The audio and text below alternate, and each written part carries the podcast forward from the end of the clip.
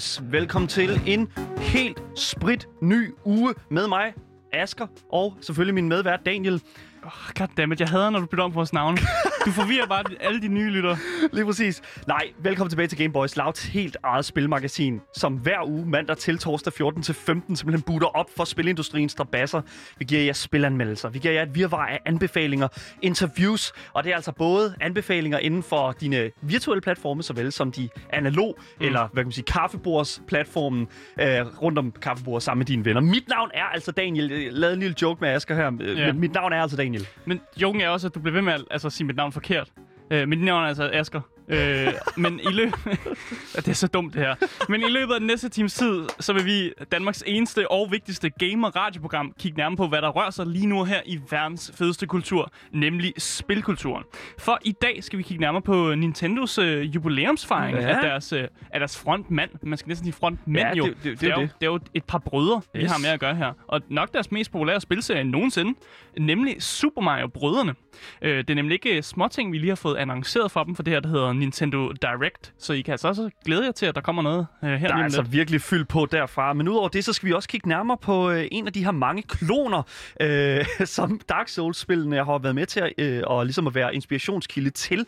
For vi skal nemlig se på, hvordan udvikleren Cold Symmetry med sin nye udgivelse Mortal Shell formår at udforske en meget interessant del af et ellers fast format. Mm. Og så derefter så skal vi altså tale om øh, episode 2 af Don't, oh. øh, Don't Nuts øh, nye spilserie, som hedder Tell Me Why. Og det er noget, du har glædet dig til i hvert fald, Daniel. Altså, jeg kan lige så godt sige det, som det er. Jeg har glædet mig som en, en, en, en sindssyg... Altså, en lille pige. Ja, og vi skal faktisk lidt, nytårsaften. vi skal jo lidt have sølvpapirshattene på, fordi ja. vi skal jo lidt udveksle nogle teorier, og ligesom øh, også lige vurdere på, hvor historien er nu, og hvad vi tror, der kommer til at ske i de fremtidige episoder. Ja, lige præcis. Så hvis du skulle være i tvivl, så lytter du altså til Gameboys med mig, øh, Daniel og Asker.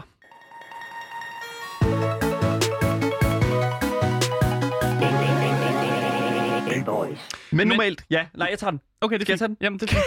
Det er cool. det, det er altid godt, fordi at, altså, jeg, jeg har det sådan lidt i forhold til Nintendo. Øh, vi har jo et meget tæt forhold til Nintendo her på Gameboys. Jeg ved ikke om... Det, giver, det, det siger nok sig Altså, selv et navnet sted. siger lidt sig selv. Jeg ved det ikke, men altså, det der er med det, det er jo, at øh, Gameboys er jo et element af en utrolig fed kultur. Mm. Øh, det er jo det, der sker, når, når der er en fed kultur, så kommer der nogen, som elsker at snakke om det. Det er mig og Asger.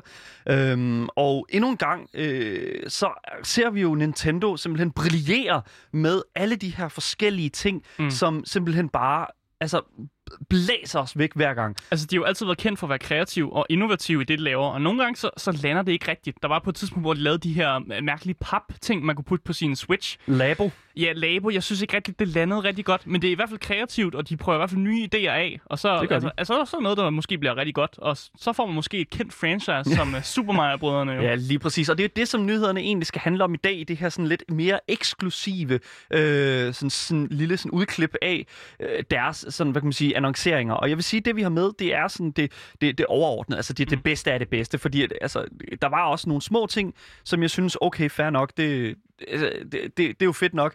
Men altså, jeg vil sige, det første, vi skal snakke om, det er nok det største et eller andet sted. Fordi, jeg ved ikke med dig, Asger, men har du nogensinde, altså, har du nogensinde spillet Super Mario øh, 64? Jeg har ikke spillet Super Mario 64 faktisk, Nej. øh, så for mig, der betyder det måske ikke så meget, men jeg har selvfølgelig set rigtig meget gameplay, og man, altså, hvis man er en del af internetkulturen, så ser man altid et par Mario 64 memes, ikke? Ja, og så er der præcis. også ham med drengen, som åbner en uh, julegave, hvor det er en Nintendo 64. det er selvfølgelig rigtigt. Ja. Det der er med det, det er jo, at øh, de her 3D Mario-spil, som man jo kalder dem, øh, Super Mario 64, mm. Super Mario Sunshine og Super Mario Galaxy fra de tidligere øh, Nintendo-konsoller, bliver altså remasteret. De får altså lige et, øh, et opløft, øh, hvor der er sådan, at øh, til de nye, den nye konsol, så du kan spille det på for eksempel den her nye øh, Nintendo Switch, mm. øhm, som jo faktisk er ved at være, være, være noget, nogle år gammel, faktisk. Det føles stadigvæk det som føles er som om, den kom ud i går. Ja, lige præcis. Ja. Men i, øh, de tal, altså, i øh, den her øh, hvad kan man sige, annon- annonceringsvideo, der taler de lidt omkring øh, det her sådan, øh, facelift, som de giver de her Mm. 3D Mario-spil. Og øh, det skal vi lige spille lidt fra. Det kommer her. Three Super Mario 3D platforming adventures now in one collection. The Super Mario 3D All Stars game is coming to the Nintendo Switch system. In addition to having higher resolutions than their original versions, the games have been optimized for a smooth gameplay experience on Nintendo Switch. Plus, music from all three titles will be included in the collection. In Music Player mode, you can enjoy your favorite Mario tunes anytime, anywhere. Ja, det er jo, som han siger, et øh, fuldstændig vanvittigt... Øh, mm. Altså, ikke bare nok med, at, at de får altså, den her sådan... Øh, Facelift. Ja, altså ja. facelift, altså det her sådan, øh, nye grafik, altså opdateret grafik, så får vi altså også den her helt vanvittigt nice music player. Og altså, jeg er ked at sige det, men altså... Eller ikke ked at sige det, men sådan som det er for mig, der vil jeg sige, Super Mario Galaxy har simpelthen noget af det bedste mm. Mario-musik nogensinde. Så det er virkelig... Altså, de, den mængde tid, jeg har brugt i Music Playeren på, øh, på Super Smash Bros., øh, som er et andet øh, sådan slåsspil med alle Nintendo-karaktererne. Mm. Altså, den tid, jeg har brugt på bare at sidde og lytte til Zelda-musik, sidde og lytte til Metroid-musik. Altså, det er vanvittigt fedt. Mm. Man kan så forvente den her øh, All-Star Collection til at komme ud den 18. september. Øh, men det sjove er faktisk, at Nintendo de fjerner spillet til marts. Det vil sige, fra den 18. september til marts øh, 2021, så kan man købe spillet, men efter marts, så er det simpelthen væk. Altså, Dan, hvor, hvorfor er det, du tror, at de laver den her strategi med, med at fjerne spillet? Ja, det er jo så det her, hvor at det, det er jo det her, som Nintendo er super, super kendt for. for og, øh, det er det, der hedder scarcity mm. i, i, i industris øh, sådan sproget, fordi at scarcity betyder jo sådan, at, øh, at der er mangel på det, en, øh, der er sådan langt imellem det, mm. øh, og der det, det, er jo det, det er en aktiv ting, en aktiv beslutning, som Nintendo de tager, når det er sådan, at de, de ligesom skal øh, lave et nyt produkt. Mm. De laver simpelthen for lidt af det. Og grunden til, at de gør det, det er jo, at hvis der ikke er nok af det, så er der efterspørgsel på det. Og efterspørgsel er bevist som at være den bedst betalende. Mm. Så altså, det betyder jo, at de kan sætte nærmest prisen, hvor end de vil. Ja, og så findes jo også masse, der er også masser af gange, hvor jeg har kigget øh, på spil og været sådan et, ah, det spil skal jeg, det jeg venter skulle lige til kommer på tilbud og sådan noget. Men når man laver det her, så er det jo sådan, at spillet forsvinder på et tidspunkt. Så hvis man ikke når at få det, inden, inden det er væk, så har du det simpelthen ikke. Og det kan jo også få nogen til at lige at trykke på den der ja, købknap, hvad jeg vil sige. Ja, lige præcis. Og altså, jeg, jeg må simpelthen sige, det er, det er et, på en side er det en vanvittig god altså, sådan, hvad kan man sige, business øh, beslutning, som, som Nintendo mm. tager. På den, men, men, men på den modsatte side, så vil jeg også sige lidt, at sådan, det er pisse fucking møghammerende irriterende. Mm. Det er så dumt, og det er simpelthen bare så... Øh, det er simpelthen som pengeglupsk øh, fra Nintendos side og gør det på den her ja, måde. jeg har aldrig set Nintendo som pengeglupske. Men, Nej, men, men, det er jo fordi, at de gemmer det væk under den følelse, som, at som Mario... domligheden. Ja, bare domligheden, den der ja. følelse af sådan, ah, det er dejligt, åh, oh, Mario og mm. oh, Legend of Zelda, åh, oh, det er fedt, Metroid, nice. Og så er det bare sådan, men øh, de vil jo gerne have dine penge, og det får de også. Ja. Og det er jo det, som der, altså, det, det, det er det, som ingen andre udviklere simpelthen har formået at næle på samme mm. måde. De er simpelthen de gemmer, de, Nintendo er bare den der sådan øh, varme onkel, der kommer og siger sådan, og her er der alle dine mors penge, alle dine mors penge. Fuldstændig, ah, sådan der, jeg snuppet. Øh, og jeg, jeg er ked af at sige det, men det, det er simpelthen det er for dumt. Men jeg mm. synes, at hele det her sådan remaster, øh, det er jo en ting, som vi har set meget i spilindustrien. Et remaster er tit og ofte øh, på vej, hvis der er sådan, man snakker mm. sådan, øh, hvad hedder det nu, øh, små øh, altså sådan små øh, titler fra fortiden. Altså, mm. det, så bliver de hivet frem i nutiden. Og så kommer nostalgien på banen. Og så kommer nostalgien på banen. Og så kan man ikke lade være. Og så kan man ikke lade være med at købe det. Bum! Så har du en instant succes. Mm. Men det er jo ikke det eneste, der er blevet øh, annonceret her, Asger, i løbet af den her sådan, øh, 35-års jubilæumsfejring, som mm. Nintendo de har haft. Hvad der kom, er det, der er sket? Der kom nemlig også nogle rigtig spændende ting på bordet. Øh, der blev simpelthen lavet det her competitive multiplayer Mario-spil, som jeg ikke helt kan graspe om, hvordan det kommer til at fungere. Men de kalder det altså Super Mario Bros. 35. Og det, det er simpelthen, det går ud på, at man er 35 spillere, som på samme tid spiller Mario. Ja. Øh, men vi har også en trailer her. Vi har noget her fra, fra deres uh, lille annonceringsfest. Det kommer her. Welcome to Super Mario Brothers. With 35 players? Compete against other players near and far in this online battle game. Enemies you defeat will be sent to other players' courses, but this also works the other way around. Use the item roulette and these four strategies to try to outpace your opponents. Keep going until you're the last Mario standing or running. This game will be an exclusive offer for Nintendo. Så vi snakker simpelthen om en Mario Battle Royale. Ja, det, det, det kunne simpelthen det ikke lyder være mere, helt syret at kunne, sige. ikke, kunne ikke være mere åndssvagt, synes jeg. Men det, det, det altså, Battle Royale er populær. Battle Royales er stadig ja. populært, det er det. det. Men jeg vil så til gengæld sige en ting, og det er, at øh, det ligner rigtig meget det her Tetris, øh, altså sådan Tetris Battle Royale-spil. Men er der noget galt med det? Mm, ja, nej, fordi at jeg synes faktisk, at jeg synes faktisk, at det, det, det mangler en lille smule kant. Mm. Ja, men nu må vi se, hvordan det ser ud, øh, fordi at, altså, som han siger her, så er det jo en, en del af den her exclusive de- deal af hele den her fejring her, mm. og øh, det er altså også kun øh, i en limited periode, Ja, er jeg ret sikker på med Præcis, det her også. fra den 1. oktober, og så igen forsvinder det til marts. Ja. Så alle de her titler, de forsvinder simpelthen bare i marts. Det er et godt tidsrum, ja. men jeg vil sige, tag nu lige og, og, og, ram det, øh, mens det er, fordi det ser jo faktisk meget interessant ud. Mm. Det sidste, som der blev introduceret faktisk, øh, som vi vil fremhæve i dag fra den 35-årige jubilæumsfest til Super Mario Brødrene, det var altså noget, som altså virkelig, virkelig tog røven på mig. Jeg synes bare, Mm. mm. vi skal spille øh, øh, noget fra traileren her. Det kommer her.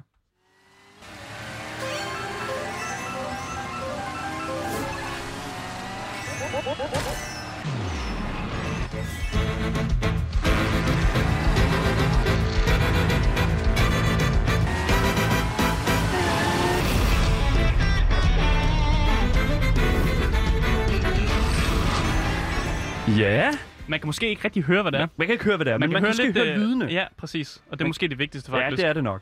Fordi det her, det hedder Mario Kart Live Home Circuit. What the fuck er det her? Men, men What? det, man ser i traileren, som man selvfølgelig ikke kan se, fordi det er radio, vi laver, men, det, men det er simpelthen et, et stykke legetøj, man får sendt med hjem, og så kan man med sådan noget, A, øh, hvad hedder det, argument, øh, augmented Augment- reality, Augmented reality, AR. ja, lave sin egen virtuel bane med det legetøj og de møbler, man har hjemme i sit hjem, som så kommer ind i spillet, som man så spiller. Og det ser helt syret ud, men det ser også fucking sjovt ud. Det ser Og vanvittigt Det får sjovt en ud. til at bare at ønske, at man var barn. Øh, dengang det her kom ud, fordi jeg ville, altså, jeg ville jo have elsket det her, hvis, øh, hvis min far var kommet hjem med et stykke legetøj og bare sagt, hvis nu laver vi vores egen lille bane her, og så kan vi spille. Det ville være mega fedt, den her blanding yeah. mellem spil og leg, og, og det her fysiske legetøj, man har. Det, altså, Nintendo, de rammer virkelig plet med det her. Det er det, de jeg. kan, og det er det, de... Også, de, de man kan virkelig... Det, åh, man får virkelig den der følelse af, hvorfor er jeg ikke barn mere? Hvorfor Ja, er jeg ikke ja. barn mere? Og det er bare netop... Det er den følelse, som gør, at, at de kan tillade sig at tage alle dine penge, Asger. Men det er så også nok om det. Jeg synes, det er meget interessant, og jeg glæder mig virkelig til at, øh, at teste nogle af de her ting her, fordi at, Mm. øh, det kommer vi selvfølgelig til at gøre. Øh, bl- blandt andet det her Mario Kart her. Det, det, altså, det, jeg ved ikke, hvor... Jeg, der var, Det ser for sjovt ud. det ser for simpelthen for Ja. sjovt ud, men, og der var en snak om, hvor fanden har folk plads til at lave det her? Fordi at, altså, sådan, det, det ser jo gerne ud til, at de appellerer lidt mere til det amerikanske hjem, Ja. øh, som jo typisk er lidt større. Øh, Kæmpe stue i hvert fald. Lige præcis, kæmpe stuer. Øh, Altså, den har ikke gået hjem på mit barnværelse. Nej, det havde den sgu ikke. Men jeg kan godt se, at det virker eventuelt øh, i, på sådan en klub, øh, sådan efter, en, øh, efter Ja, skole, ja, fritids, fritidshjemsagtigt, noget, hvor man kunne tage det med og lave det der. Jeg synes, det er virkelig, virkelig interessant. Jeg synes, det er meget fedt, og jeg kunne virkelig godt... Altså, det åbner fuldstændig op for det her med at lave sine egne baner. Og ja, ikke andet end at sige... Jeg har ikke mere at sige omkring hele det her direct her, til, at well, well done. Ja. Altså, Super Mario bliver virkelig fejret, og øh, det er fandme med fedt. Jeg glæder mig meget til at se det.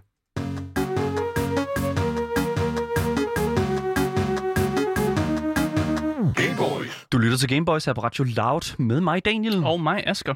Ja, nu skal vi jo til det, Asger. Vi skal jo til vores ugentlige anmeldelse. Mm. Og øh, i den her uge her, altså, der vil jeg sige, det vil tage mig cirka omtrent fire programmers længde at liste alle de her ting op, som jeg simpelthen elsker ved Dark Souls. Og måske dobbelt så lang tid at liste de ting, som jeg fucking hader med en enorm stor passion. Øhm, men når alt kommer til alt, så er Dark Souls bare den sådan, mest velpolerede gameplay-oplevelse, jeg, som jeg nogensinde har udsat mig selv for. Øhm, så derfor kan I nok alle sammen forstå, at jeg er en smule, altså, jeg, er en lille smule påpasselig Mm. øh, med, med de her sådan Dark Souls-kloner, som For der, der findes en del der derude. findes en del. Der er rigtig mange af dem, og øhm, det er jo nærmest altid bare sådan et produkt, som er produceret til at enten at lige at tjene en hurtig scaling fra et eller andet, en eller anden developer, som kan spille lidt på den der sådan, øh, sådan Så, Souls-like. Souls-like øh, genre jo, som, som det jo er. Fordi når, når et spil ligesom efterligner Dark Souls, så betegner man det som et Souls-like spil. Og Dark Souls er jo det her sådan super svære øh, RPG-spil, hvor du styrer en eller anden altså, hvad kan man sige, fallen ting, og øh, Ja, ligesom loven skal altid være lidt mærkelig i sådan nogle Dark Souls-spil. det, ja, lige Ja. præcis. Og dagens øh, anmeldelse, anmeldte titel er altså overhovedet ikke langt fra der, fordi at øh, jeg vil jo ikke kalde, jeg vil jo ikke, altså hvis at kalde dagens øh, titel for en altså simpelthen kalde det for en, en, en, en Souls-like, er simpelthen den største underdrivelse. Mm. Øh, men, men ja, Er det, er, det, er det mere end en Souls-like? det er, det er nok et, altså et Souls, altså det er en Souls-klon, vil jeg sige. Mm. Men lad os bare åbne op for anmeldelsen af det her mørke og intense Mortal Shell.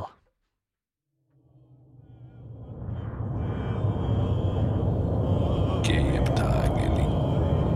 Essalpisa.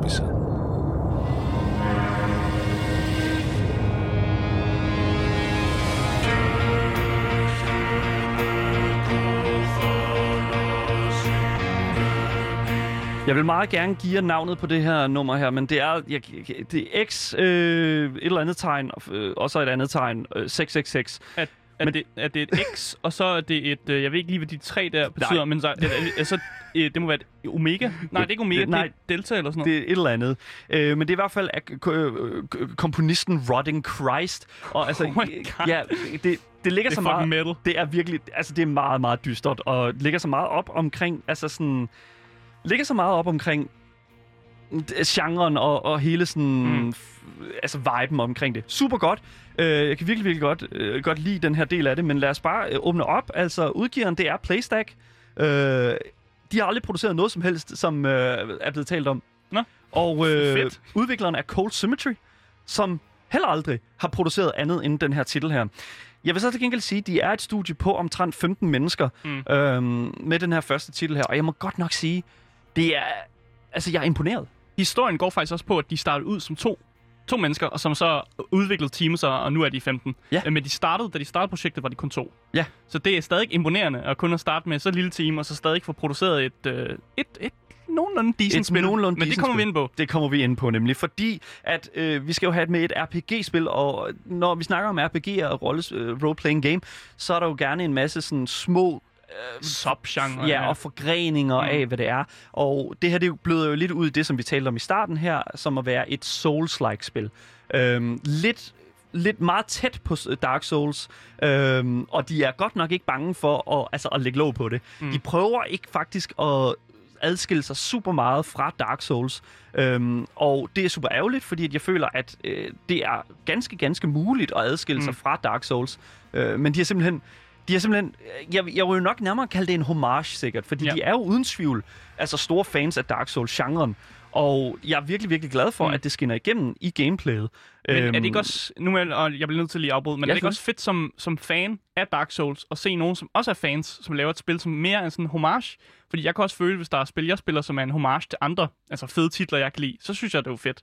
Men det er Ja. måske ikke det samme med Souls-like-spil, for så Nej. bliver det mere kedeligt, eller hvordan? altså, det er jo aldrig, det er jo aldrig en ja, jeg synes ikke, at det er et ja-nej-spørgsmål, det der, mm. fordi at, altså jo, det er fedt at spille noget, der er en homage.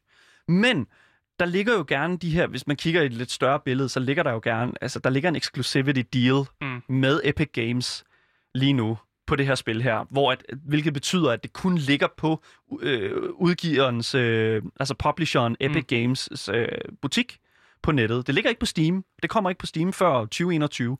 Og altså, når man, når man ligesom kigger på den del af det, altså det er jo klart, Epic Games har jo været med til at, at, at ligesom give, Altså, give nogle penge i det her. de er rigtig gode til at støtte de her små indie, øh, indie-studier. Og det har de gjort, og de har virkelig hævet det her spil i front. Og det er den eneste grund til, at jeg tror, vi har hørt om det her spil. Fordi normalt så vil det her bare ligge og flyde et eller andet sted på mm. Steams øh, sådan katalog. Øh, og og jeg, jeg, altså, jeg er ked af at sige det, men altså, det er der, hvor mange titler de ligger og, og, og aldrig bliver opdaget. Mm. Og det er altså Epic Games, øh, som simpelthen formår at få pushet det her frem. Og det synes jeg er en virkelig positiv ting. Men der er også det, der, altså, det har måske også hævet lidt en standard. Mm. Jeg ved ikke, altså sådan fra min side af, det der ligger på forsiden, ikke, altså sådan øh, af Epic Games, det jo, kan jo være mange forskellige ting, der Mm. ligger der. Men når jeg ser en ting der på forsiden, så tænker jeg straks kæmpe spil. Ja, eller det Nyhed. Ja, nyhed. Ikke? Lige ja. præcis. Og, Og det er jo fordi, du har været vant til Steam, og det er Ja. jo sådan, Steam gør det. Øh, Ja. Men det er måske ikke Epic Games approach. De plejer nogle gange at reklamere nogle lidt mere ob- obskyrte ting, hvis man kan sige det sådan. Ja, lige præcis. Øhm, men jeg kunne godt tænke mig bare lige hurtigt at springe ind i, hvad det her spil egentlig går ud på, mm. hvis vi kigger lidt, lidt mere i sømmene. Så du spiller som det her hvide, menneskelignende væsen, som der ikke rigtig sådan har... Øh, altså, det, det, det er sådan tynd, nærmest Slenderman, men ikke sådan helt tynd. Som mig, eller hvad? Nej, men det er sådan, Jeg er du også ved, høj og tynd og hvid. Ikke nogen features i ansigtet. Også mig og, stadig. Stop!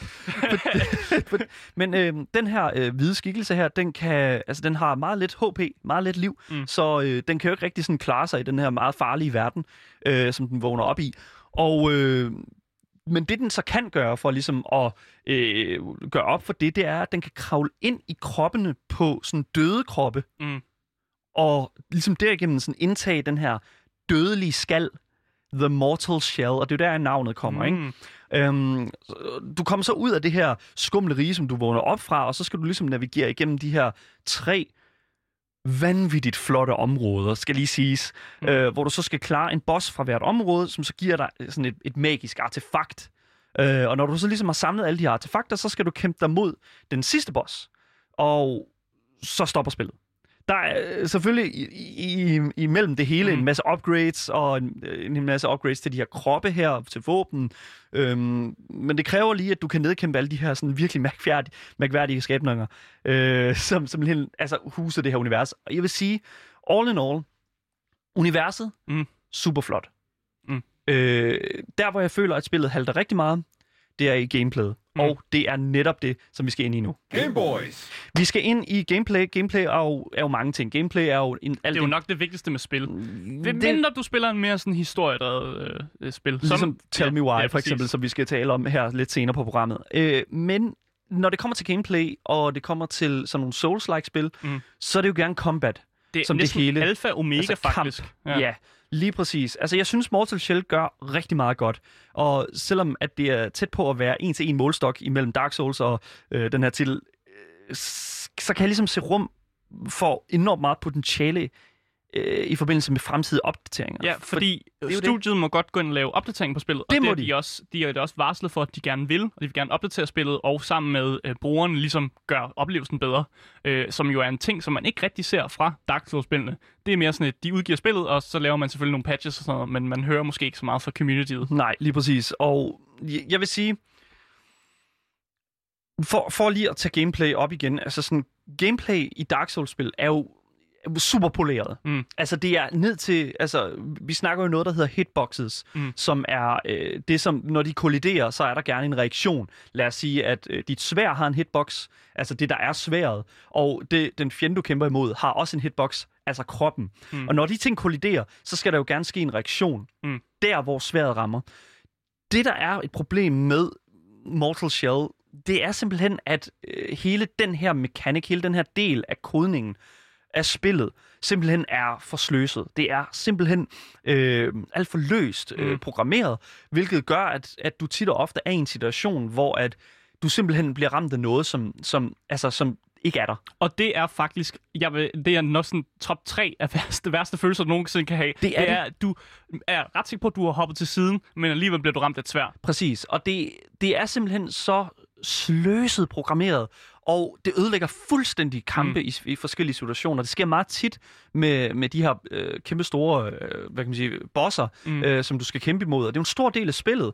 Og jeg, simpelthen, jeg synes, at det er simpelthen så, så, så ærgerligt, fordi at hvis det er, at de havde gået ind og lige lagt lidt mere energi i den her sådan øh, i, i, i den her kodning, i den Mm. her del af spillet, så ville de have fået den der polering, den der polish der, som de virkelig, virkelig mangler igennem rigtig meget. Øhm, men lad os prøve at gå lidt ind i combat. Lad os Mm. prøve at gå lidt i, i, i kamp i uh, Mortal Shell, øhm, og snakke lidt omkring, hvordan sådan combat fungerer i forbindelse med, lad os bare tage en normal fjende, og i stedet for bosser, Mm. fordi at kæmpe mod en boss er lidt anderledes end en normal fjende. Så, øhm, du, er, du har fundet den her krop her. Den første, du finder, er den her ganske almindelige soldat, som har en, har en rustning på og har mm. rigtig meget liv, og øh, også en moderat mængde af det, der hedder stamina, altså den energi, som du kan bruge af, som du bruger af, når du svinger dit svær, eller øh, hopper, hopper, ud af, hopper væk fra et angreb mm. Mm. den slags. Øhm, men en anden ting, som også gør sig virkelig... Altså normalt i Dark Souls-spil, eller i, for den sags skyld i andre RPG-spil, hvor du skal øh, hugge lidt med et svær, Hack and slash games måske. så vil, ja. ja. lige præcis. Så vil du jo øh, tænke, okay, øh, når jeg modtager et slag, så vil jeg øh, prøve at blokere det slag med mit svær. Mm. Det er ikke en ting i Mortal Shells. Så Øh. du, kan ikke, øh, du kan ikke defende på samme måde. Det kan du faktisk. Okay. Fordi at i Mortal Shell, der har du den, øh, det gameplay øh, mechanic, øh, den, ligesom, den, evne til, at du kan gøre hele din krop til sten. Jeg tror, det hedder harden, men Mm. altså, du, du påtager ligesom sådan en, en stenkrop. Okay. Ja, og det er sådan en timing-ting. Vil det ikke Øhm. være nemmere bare at løfte, tage sværet lidt mere til... Jo, Ja. ja. men Asger, jeg er nødt til at, jeg kan sige det.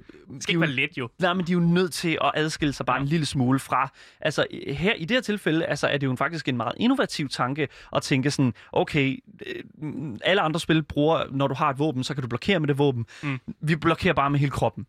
Mm. Og det giver faktisk nogle ret interessante øh, sådan, tidspunkter i, i, i kamp, hvor at du kan være midt i og, øh, og ligesom at svinge dit svær, men så i midten af dit sving, så kan du gøre dig selv til sten. Mm.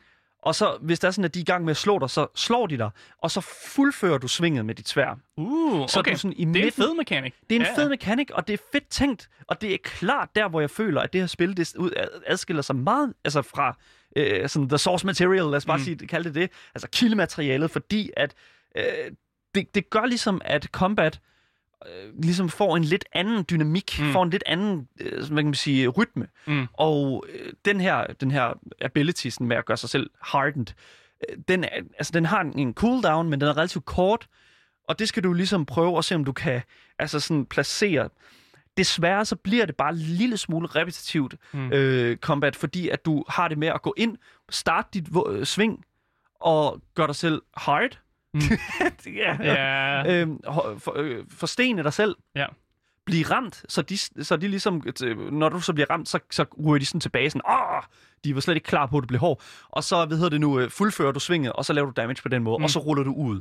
Det er ret meget sådan, at, at kamp, det ligesom udvikler sig, og det er en lille smule ærgerligt, fordi at Det er meget repetitivt, eller hvad? repetitivt, Ja. ja. og det er meget sådan gennemskueligt, og Mm. jeg er ked af at sige det, men det, det gør faktisk kamp en lille smule kedeligt. Der er også en masse mennesker, som øh, i deres review skriver, at det er meget clunky, øh, og at den karakter, man, øh, de, eller de karakterer, man spiller, de føles meget tunge i det, når de angriber. Øh, og det er åbenbart en vigtig ting, når man spiller de her Souls-like-spil, at man kan altså være hurtigt, og man kan undvige tingene, og de så ikke kan lide det clunky. Ja, men det igen...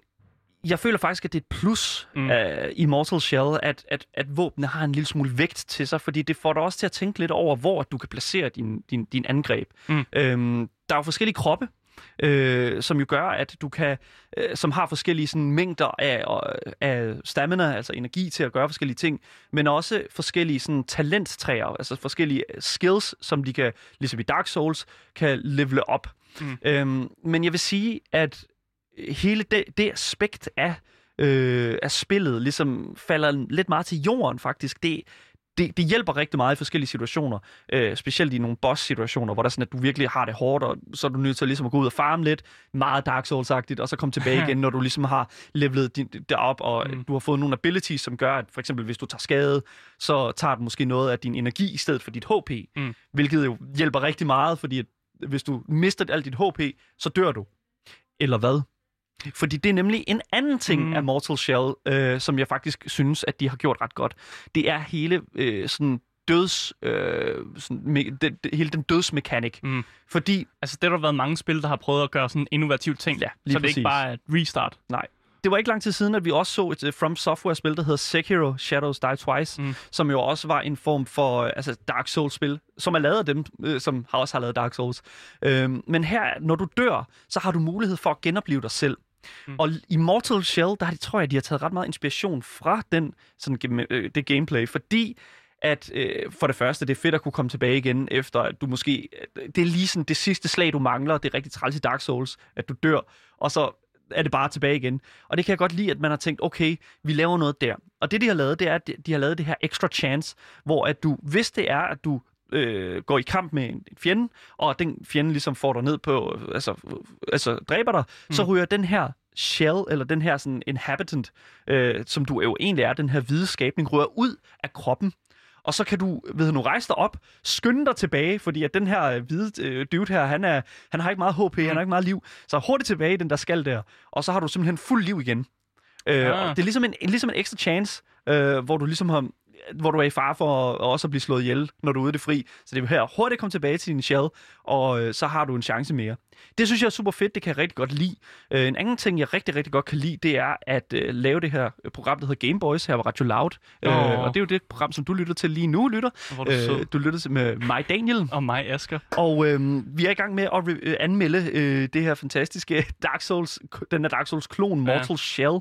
Øhm, jeg vil sige, healing er en ting, som har fået, øh, som er, er jo meget normalt. Det her Mm. med, du mister lidt liv, så er der jo også måder, hvorpå du kan få lidt liv tilbage. Det er meget, meget normal ting i den her genre, Souls-like genren. Og øh, det er desværre en ting, som jeg føler, at de har tabt lidt på gulvet. Mm. i Mortal Shell. Øhm, fordi at det er de her mushrooms, øh, som du, øh, de her svampe, som du spiser, og så er det ikke øh, sådan, du får ikke liv med det samme, du får sådan en lille smule af gangen. Mm. Og det er lidt irriterende, og det, det stopper dig også rimelig meget. Øh, jeg er rigt, det, det, det føler jeg bare lidt sådan, det er sådan en sikkerhed, som der virkelig mangler, som Mm.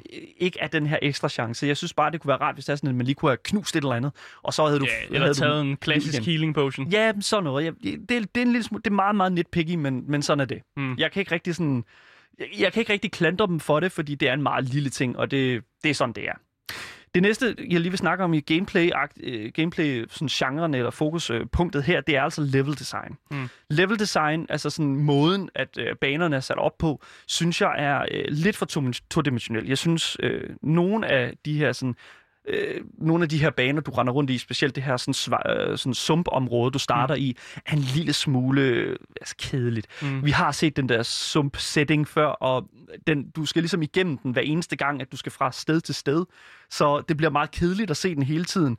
Øh, og det synes jeg er super ærgerligt, fordi jeg kunne godt have, jeg kunne godt have Mm. brugt lidt mere sådan, øh, dynamik selv i, de, i selv de her sådan meget store, åbne områder. Mm. Der er også folk, der siger, at der er for smalle, øh, eller at området, du er i, er lidt for smalt, og det kan gøre combat lidt træls. Ja, men det, og igen, det er, det er nitpicking. Altså, det er virkelig små fl- flueknæpperi, hvis mm. man kan sige det på den måde. Og det synes jeg, det, det gider jeg ikke rigtig gøre. Det, jeg så kan vil sige, det er, at hver eneste gang, du skal fra sted til sted, så skal du kravle igennem sådan en lille fucking tunnel. Ja. Og Igen, det er der også Oh folk, my der God. Det kan jeg så godt til gengæld forstå, fordi det er fuldstændig et afbræk i dit gameplay. Ja. Det er fuldstændig åndssvagt. Det forstår jeg slet ikke noget af. Hvorfor i alverden har de lavet det på den måde? Ja, og så er der sådan noget med, at uh, der er folk, der klager over, lige snart du er kravlet igennem tunnelen, så er der en lille animation, hvor du kommer ud, Ja. og der kan fjenderne altså stå og fucking slå dig, og, der kan du ikke gøre noget dumt. ved det. Det er så dumt, og det håber jeg, det er en af de ting, som de har tænkt sig at, at klippe, lidt, klippe ud mm. i fremtidige opdateringer. Øhm, men det er sådan, hvad jeg havde at sige om gameplay. Øh, overall synes jeg, at der var meget, der var okay, mm. øh, men jeg synes også, at der var nogle ting, som, som virkelig, virkelig var store problemer. Noget af det kan reddes med opdateringer, noget af det kan ikke. Game Boys. Det næste, jeg gerne lige vil snakke om i forhold til Mortal Shell, det er altså narrativet. Mm. Og en ting, som jeg er nødt til at sige nu, ligesom i Dark Souls, så synes jeg ikke, at det her det er sådan super vigtigt. Altså historien, overhovedet ikke vigtigt. Øh, fordi når alt kommer til alt, så er det jo den her verden her, som er kæmpe enormt stor, og du er bare sådan det her ene individ. Mm. Og jeg kan virkelig, jeg elsker at være den her sådan helt ubetydelige kraft, som alligevel formår at gøre en forskel i en verden, som virkelig bare ikke giver en skid for, om du eksisterer eller ej. Nej, men, men der er folk, der kender narrativet for at være fuldstændig altså hen i vejret. Man fatter ikke en skid. Nej. Og normalt har Dark Souls altid været lidt forvirrende, men der har stadig været en små ting, hvor man kan ligesom kunne opdigte ting fra. Men sådan er det vist ikke i, uh, i Mortal Shells. Nej, og det, jeg, jeg ved det ikke, altså... Jeg, jeg, jeg er ligeglad. Gameplay, jamen, gameplay, jeg er, helt enig. Normalt gameplay er, fuldstændig fokus for mig, og jeg er faktisk ret ligeglad med, hvorfor at jeg er på sådan en flyvende ob- øh, obsidian slot i himlen. Who cares, man? Nice, Oh nice. my god, who cares? jeg er glad for, at du også er Se, ligeglad hvor med narrativet. det er. Nej, men det er fuldstændig lige meget. I de her spil her, der giver det ingen mening for mig, mm. at der skal være et kæmpe sådan overarching øh, narrativ. Ja. Who gives a shit? Hvis det har, æstetikken er flot. men ja. det er jo det, vi har Dark Souls til. ikke? Spil, Demon Souls bliver remastered lige om lidt. Altså, spil det på PlayStation 5'eren. Det bliver pisseflot. altså, who cares? Ja. Altså, det her, det er jo bare for at få den der kløe der. Mm. Altså, at få styr på den jo. Og det føler jeg et eller andet sted, at, at narrativet gør. Altså, der er sådan, okay, det, der er sikkert noget, noget historie bag her. Wow, hvem er han? Og sådan noget, ikke? Og, sådan, og så kan man sidde og tænke sådan lidt, ah, hvad giver mening? Og der er jo også nogle små snippets her og der, Mm. mm. som, som kan være meget interessante sådan at prøve at læse lidt op på. Fordi der er noget historie, men Mm. der er altså også bare der er bare rigtig meget fyld, og det, det who cares, man. Jeg, det, jeg er så ligeglad. Jeg kunne ikke være mere ligeglad med det. Men altså igen, øh, husk, det er mine ord. Hvis du er glad for, for historie, så er det her garanteret ikke et spil for dig, fordi det, der er ikke særlig meget, det tror jeg. Og sådan er det bare.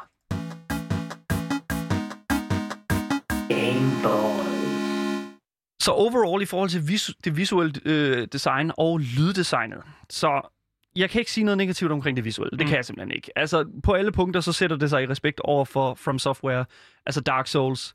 Øh, alt ser simpelthen gennemført og dystert ud, og øh, den her verden her er pisse fucking flot. Mm. Der er simpelthen, hver eneste lille kro- afkrog er altså detaljeret, og det er her, hvor jeg føler, at, at det, det, altså hele der sådan, hvad kan man sige, øh, Cold Symmetries mm. sådan forhistorie er super, super imponerende, fordi at 15 mennesker har formået at kreere det her univers selv, Mm. altså det visuelle, er simpelthen fuldstændig sindssygt. Jeg kan simpelthen ikke øh, forstå, hvordan de har fået plads til så meget. Men det er jo nok også det, de har altså, givet mest tid og mest detalje. Ja. af alle de ting, som er i det her spil. Ja, lige præcis. Så man kan godt forstå, at det ser flot ud så også. Øh, Rent lydmæssigt, så vil jeg bare sådan sige, at nogle gange så...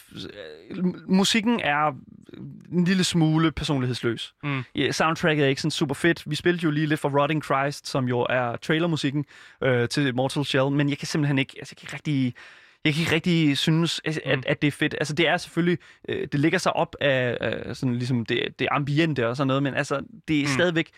Det kunne lige så godt bare være Dark Souls-spil. Ja. Og folk siger også, at de har smidt uh, Dark Souls soundtracket på, mens Ja, de har spillet det, fordi det cares? næsten er bedre. det, det er 100 gange bedre, og det, det synes jeg, de skulle gøre. Men også selv i, i noget af dialogen fra nogle af de her karakterer, der er i spillet, øh, synes jeg faktisk øh, minder rigtig meget om, øh, om, om Dark Souls. Jeg kan lige spille en hurtig lille sætning, som øh, den her karakter, du leveler op med, øh, siger. I pray that you do not find yourself upon the pyre. Det er meget sådan, I pray for yourself. Det er meget sådan, åh, jeg har det skidt over den her verden, åh. Ikke? Og det, det er virkelig, det er så Dark Souls. Og det, er- det, det er sådan lidt, åh, drenge, den kunne ikke, ah, godt lige at udmærke den en lille smule mm. bedre der. Det synes jeg, det, det er lidt ærgerligt. Men, men udover det, så synes jeg faktisk overall, at, øh, at, at det er faktisk, det er ikke dårligt.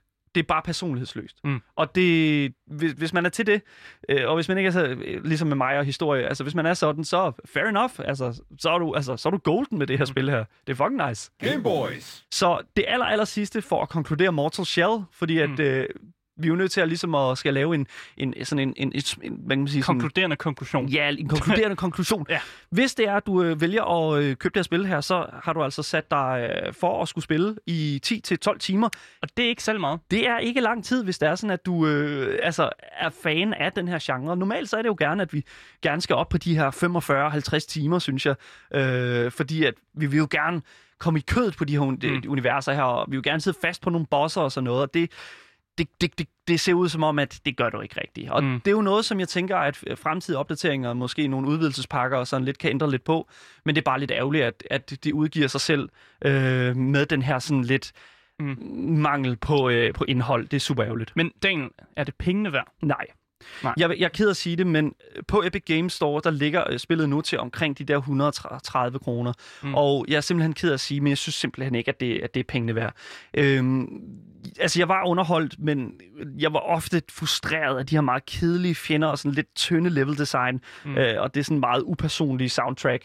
Og altså, helt ærligt, det synes jeg simpelthen ikke, at man skal betale mere end altså, højst øh, 75 kroner for. Eller sådan. Altså, det, det er jo selvfølgelig min holdning, og sådan er det jo. Men der mangler bare det der polish. Mm. Men øh, der er Øh. også plads til forbedringer. Kan det blive, Der er kan plads det til blive de der 130 kroner værd? Det kan det sikkert godt, men øh, det, bliver for, det bliver nok først i 2021, da det kommer ud på Steam. Øh, fordi at det er der, jeg tænker, at de øh, har tænkt sig at adressere Mm. øh, nogle af de her problemer lidt tættere. Men vi holder selvfølgelig øje med det. Øh, det var vores anmeldelse af Mortal Shell. Det kan selvfølgelig fås, som sagt, på Epic Games Store. Øh, hvis det er, at du lige vil give det et kig, så øh, kan det selvfølgelig øh, anbefales til jer, som lige mangler det der sidste Dark Souls øh, push, inden mm. vi når til PlayStation 5-æraen.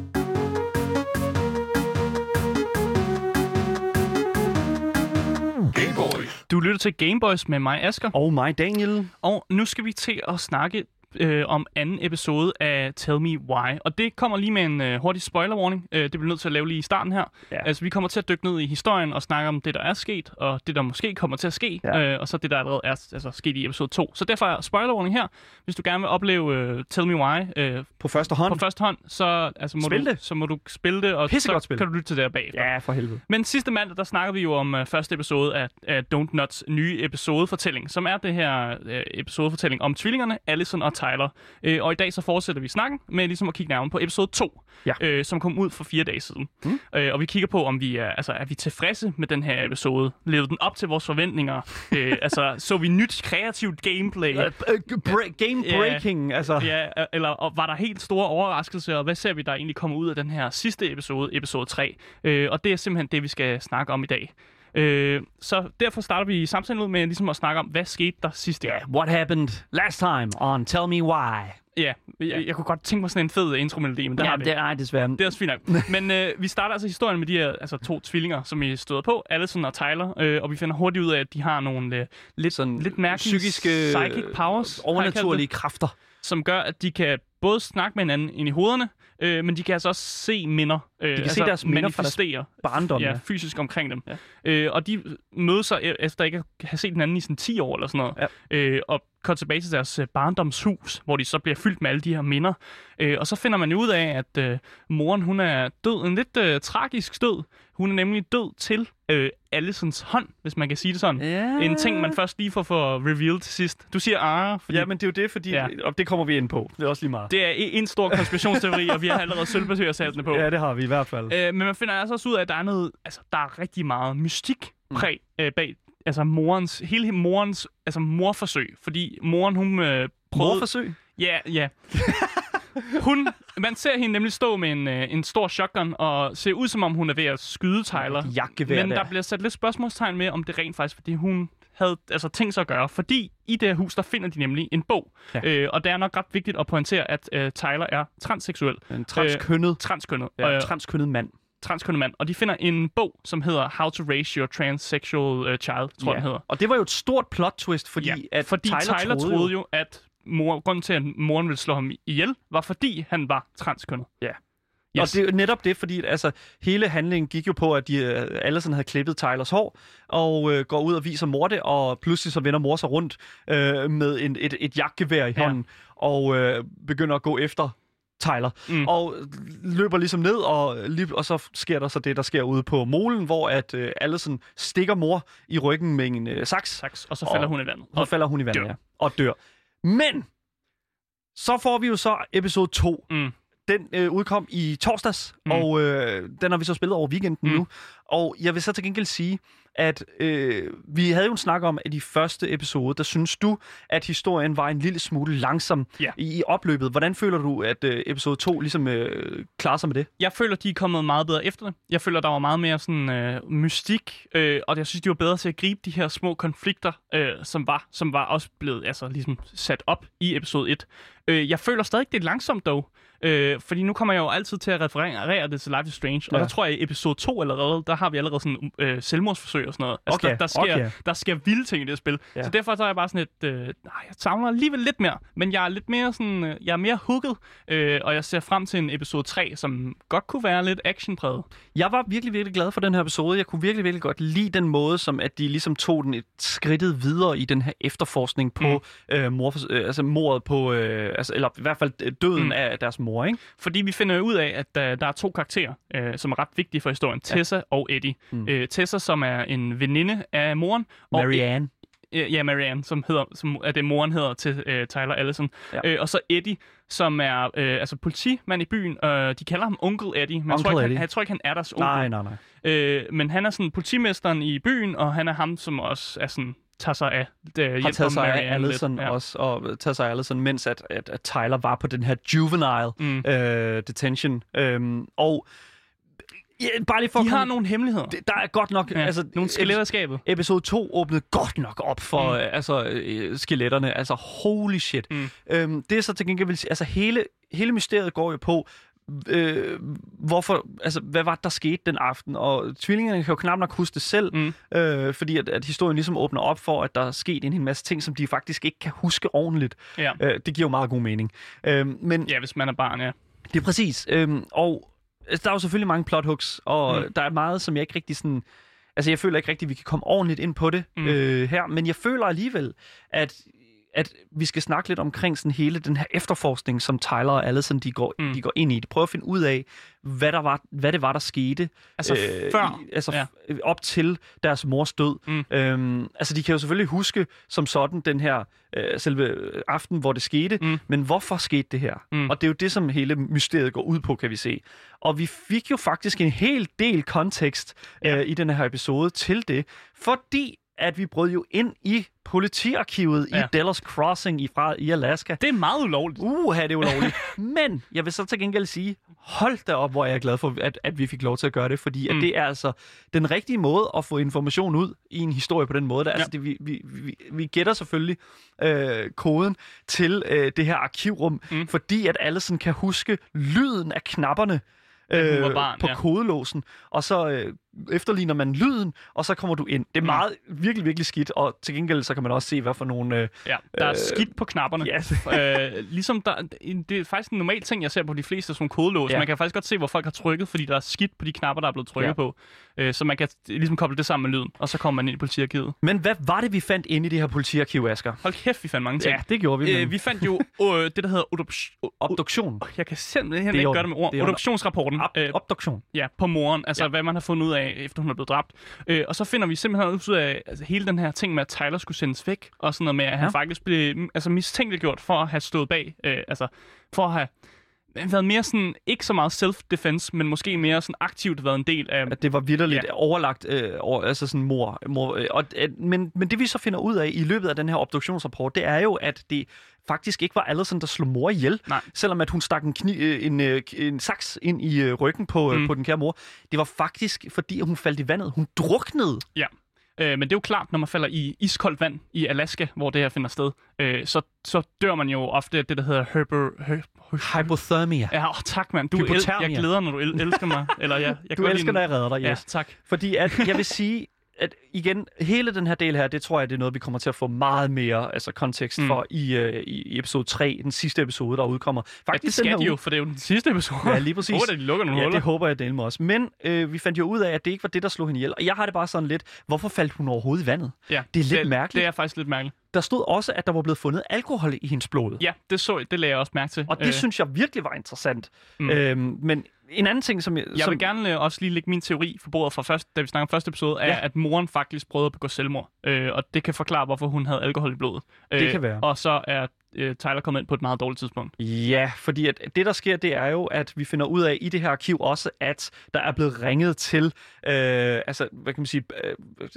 Child Protective Service. ja, lige præcis, Ja. det er amerikanske Child Protective Service. Og vi finder også ud af, at Marianne har haft det fucking skidt lidt op til det her. Altså, så hun godt. har begået, øh, begået nogle teorier, simpelthen fordi hun ikke har kunne klare sig på pengefronten. Ja, Øh, og det- vi får også at vide, at hun har hjulpet, fået børnene til at øh, altså stjæle ting fra butikken af. Ja, og det presser jo en person ud i nogle ekstreme situationer, og mm. Hvis det er sådan, at politimesteren kommer og informerer om, at øh, nu bliver børnene altså fjernet, så kan det altså godt øh, sætte dig ja. i et lille problem. Men jeg vil så til gengæld også sige, at en anden ting, vi finder, øh, det er jo øh, faktisk altså sådan hele historien fra den aften der. Mm. Og en ting, som jeg synes, der er meget interessant, det er jo også i øh, obduktionsrapporten der, at Eddie var til stede under obduktionen. Mm. Ja, og der, der er jeg virkelig interesseret i, at okay, hvorfor var han lige det? Altså, de var selvfølgelig gode venner, mm. Det er klart, men hvorfor var han til stede under den ob- obduktion? Og der har jeg det bare sådan lidt, hvad, jeg føler lidt, at Eddie skjuler nogle ting. Øh, jeg tror, det hænger meget sammen med, at øh, hvis man er en normal retsmediciner, så kan man godt se, at øh, et kniv, hvornår, altså, hvor knivstykket er kommet fra. Og så kan man kan sikkert godt se, at det er kommet fra ryggen af. Ja. Og det tror jeg er blevet skjult lidt i adoptionsrapporten, fordi det bliver Godt ikke rigtig beskrevet ordentligt. Mm. Fordi man kan jo godt regne ud, at hvis hun har troet øh, Tyler, som har stået ved molen, så kan han jo ikke stikke hende i ryggen. Øh, og jeg tror, der er et eller andet, som bliver skjult der. Det ved vi ikke, fordi at vi, der var ikke nogen til stede, Nej, mens det er mor selvfølgelig også skete, rigtigt. så man kan ikke rigtig sådan se, hvem var egentlig til stede, og hvem stod hvor. Men jeg vil til gengæld sige en anden ting, som jeg faktisk fandt, fandt i løbet af, og jeg ved ikke, om det er en fejl, det her i spillet, Mm. fordi det er faktisk meget interessant. Det er en øh, hospitalskvittering, kan man nærmest sige, altså en udskrivelse fra hospitalet, som er underskrevet af Tessa Vecchi, mm. Øhm, som jo faktisk øh, har udskrevet en øh, person, med, som har et efternavn, der hedder Ronan, Mm. men som er født i 93. Ja. Og grunden til, at jeg synes, det er mærkeligt, det er, at vi ved, at begge Ronan-tvillingerne er født i 94. Mm. Hvad sker der lige der? Og det er jo så det, det, hvor man tænker sådan, er det en fejl fra Don't Not side, eller er det fordi, at der vidderligt er en fjerde Ronan, Eller en, det må være en tredje så, ikke? en tredje Ronin, ja, ja nej, det er mor Moren Ronin. er også en Ronin, ja, men, men et tredje barn. Ja, lige præcis. Ja. Altså, der er mange... Vi har virkelig et sølvpapir sat den på Ja. allerede. Altså, det er virkelig, virkelig vanvittigt. Mm. Men vi har simpelthen fundet ud af, og det der er med det, det er, at grund til, øh, Tessa, hun har underskrevet det, der står enten, at det er patientens navn, mm. eller det er det, der hedder en legal guardian. Mm. Det er virkelig, virkelig mærkeligt. Hvem er den her Ronan-person, Mm. der har slået hovedet? Jo, det er rigtigt. Der er nogen, der har... Der var en historie om, at Tyler faldt ud af træ på et tidspunkt. Mm. Men han er ikke født i 93. Nej. Det er virkelig, virkelig mærkeligt. Jeg tænkte også, det var Tyler, øh, fordi vi ser ham jo også faktisk slå hovedet igen i den her episode. Og så Mm. tænker jeg bare, det er endnu et sådan et øh, flashback til hans altså, concussion day. Det kan være, at de slet ikke er tvillinger. oh no. Det er virkelig, virkelig weird. Fordi at, altså, jeg kan simpelthen ikke... Det kan også være, at Marianne ikke er deres rigtige mor. Altså, det er simpelthen... Der er så mange teorier derude. ja. Men nok den største teori... Hvem er øh, far? Hvem er far til Ja. de her to? Fordi at historien, øh, anden øh, episode, øh, begynder jo også at angribe lidt øh, nogle minder, som, som, hvor at øh, Marianne, der er tvillingernes Mm. mor, står og snakker med en skikkelse, som efter sine skulle være deres far, Mm. som jo faktisk Var der på dagen, hvor øh, episoden hændte? Ja. ja, lige præcis. Og påtager sig rollen som den her figur i øh, tvillingernes historie, som hedder The Mad Hunter. Mm. Og det er jo det, som faktisk er super interessant, fordi at det betyder jo, at far var til stede, Ja. Da mor hun døde. Ja. Hvad sker der lige Men der? også, at de manifesterer den rigtige far som sådan en ond skikkelse. Præcis. Og de derfor ikke rigtig ved, hvordan han ser ud, fordi de bare øh, altid har set ham som sådan, ja, en skurk. Mm-hmm. Og det er rigtig sjovt, og det, det danner nogle sådan, hvem tror vi, den her person er? Fordi øh, de ser jo, jeg tror ikke, det er Sam. Fordi Sam, ham ser de jo som, altså, en normal person. En ven af familien. Ja, og præcis. Ja, lige præcis. Og de ligger også ud, det måske kunne være Eddie. Ja. Det tror jeg så heller ikke. Nej, og det er jo det, som, som, som der jo også er det, det skidte ved det her. Det er jo, at altså, vi, der er ikke nogen, der ved det. Nej. Der er ingen, der ved det. Men jeg vil så til gengæld også sige, der er virkelig, altså, der er mange, som der er på min radar for at Mm. skulle være deres far. Mm. Og jeg kan lige så godt sige det nu. Jeg siger det nu, en uge inden, at den sidste episode kommer ud. Jeg caller det. Faren er Tom Veggie. Ham, der løber for, Ja, øh, hvad hedder det, det nu, øh, øh, løber- løber for, så borgmester i Delos Crossing, Mm. og som har hyret ham her, Alexander, som står på båden til at lave hans dirty Se, work. det er endnu en red herring, men det er fordi, jeg har pointet ud, at der er den her person, der hedder Alexander, øh, og jeg føler, at han er sådan en, man er ikke en person, man hører om, Nej. men han er der bare. Mm. Øh, og man møder ham igen i butikken her i episode 2, hvor han også er der. Ja. Øh, og jeg føler, at han følger efter en. Ja. Øh, at han simpelthen holder øje med en. Han elsker fisk, øh, han elsker jagt, Ja. og han elsker at fiske, og det er derfor, jeg tror, at han har en båd. Altså, jeg er ret sikker på, at det er ham, der har været til stede. Det giver ret god mening, men jeg tror, Mm. at Tom spiller en meget større rolle i den her situation. Det er godt være, at det ikke er deres far, men jeg tror, at... Altså, min teori er, at det er deres Vi far. tror på Tom og Alexandra konspirationsteorien, er det det? Ja, jeg det tror, det, vi skal det, lægge den der nemlig. Øh, jeg vil sige, at historien i den her omgang var virkelig, virkelig interessant, og jeg synes Mm. faktisk, at dialogen også pikkede en lille smule op. Øhm, og for at lige hurtigt afspille lidt fra episoden, vi har ikke så meget tid tilbage, men bare lige for hurtigt at spille et lille minut af det, øh, så vil jeg bare lige hurtigt spille noget af den dialog, der er. Det er virkelig, virkelig fedt. Det kommer her. What happened? Why did it stop? I can't, Tyler. But we were so damn close.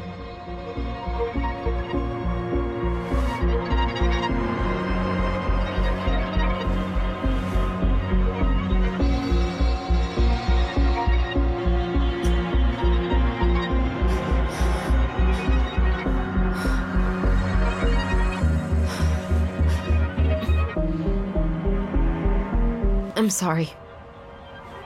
But I'm done. Simpelthen fantastisk altså, udvikling mm. I forhold til sådan øh, den her måde at lave narrativet. Altså det er virkelig, det tager virkelig til, mm. Og jeg glæder mig virkelig meget til på torsdag, Mm. og for at se, hvad betyder den her beslutning om, Ja. at hun er færdig med at efterforske morens død. Hvad betyder for det, det for tvillingers forhold, Mm. og hvor placerer vi os i hele den, altså i hele den, sådan hvad kan man sige, øh, konstellation i forhold til at finde ud af, hvem far er. Mm. Åh, jeg synes virkelig, at slutningen var vanvittig god, og det åbner altså virkelig, virkelig fedt op. Hvis det er, at du føler, at øh, du øh, har brug for at spille det her spil her, øh, inden at vi øh, ligesom snakker om det i næste, på næste mandag, så vil jeg bare sige, det kan altså fås på øh, næsten alle platforme, jeg vil sige. Øh, du kan få det igennem abonnementet på øh, Xbox Game Pass. Yep. Vanvittig god deal.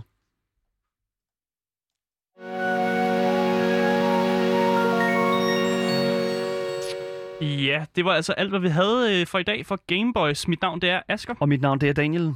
Og hvis I brænder med spørgsmål øh, til os, øh, så kan I altså skrive på os, øh, eller skrive til os, til os. Øh, på e-mailen, som er gameboys I kan også kontakte Louds egen Instagram-profil, som hedder radio.loud.dk.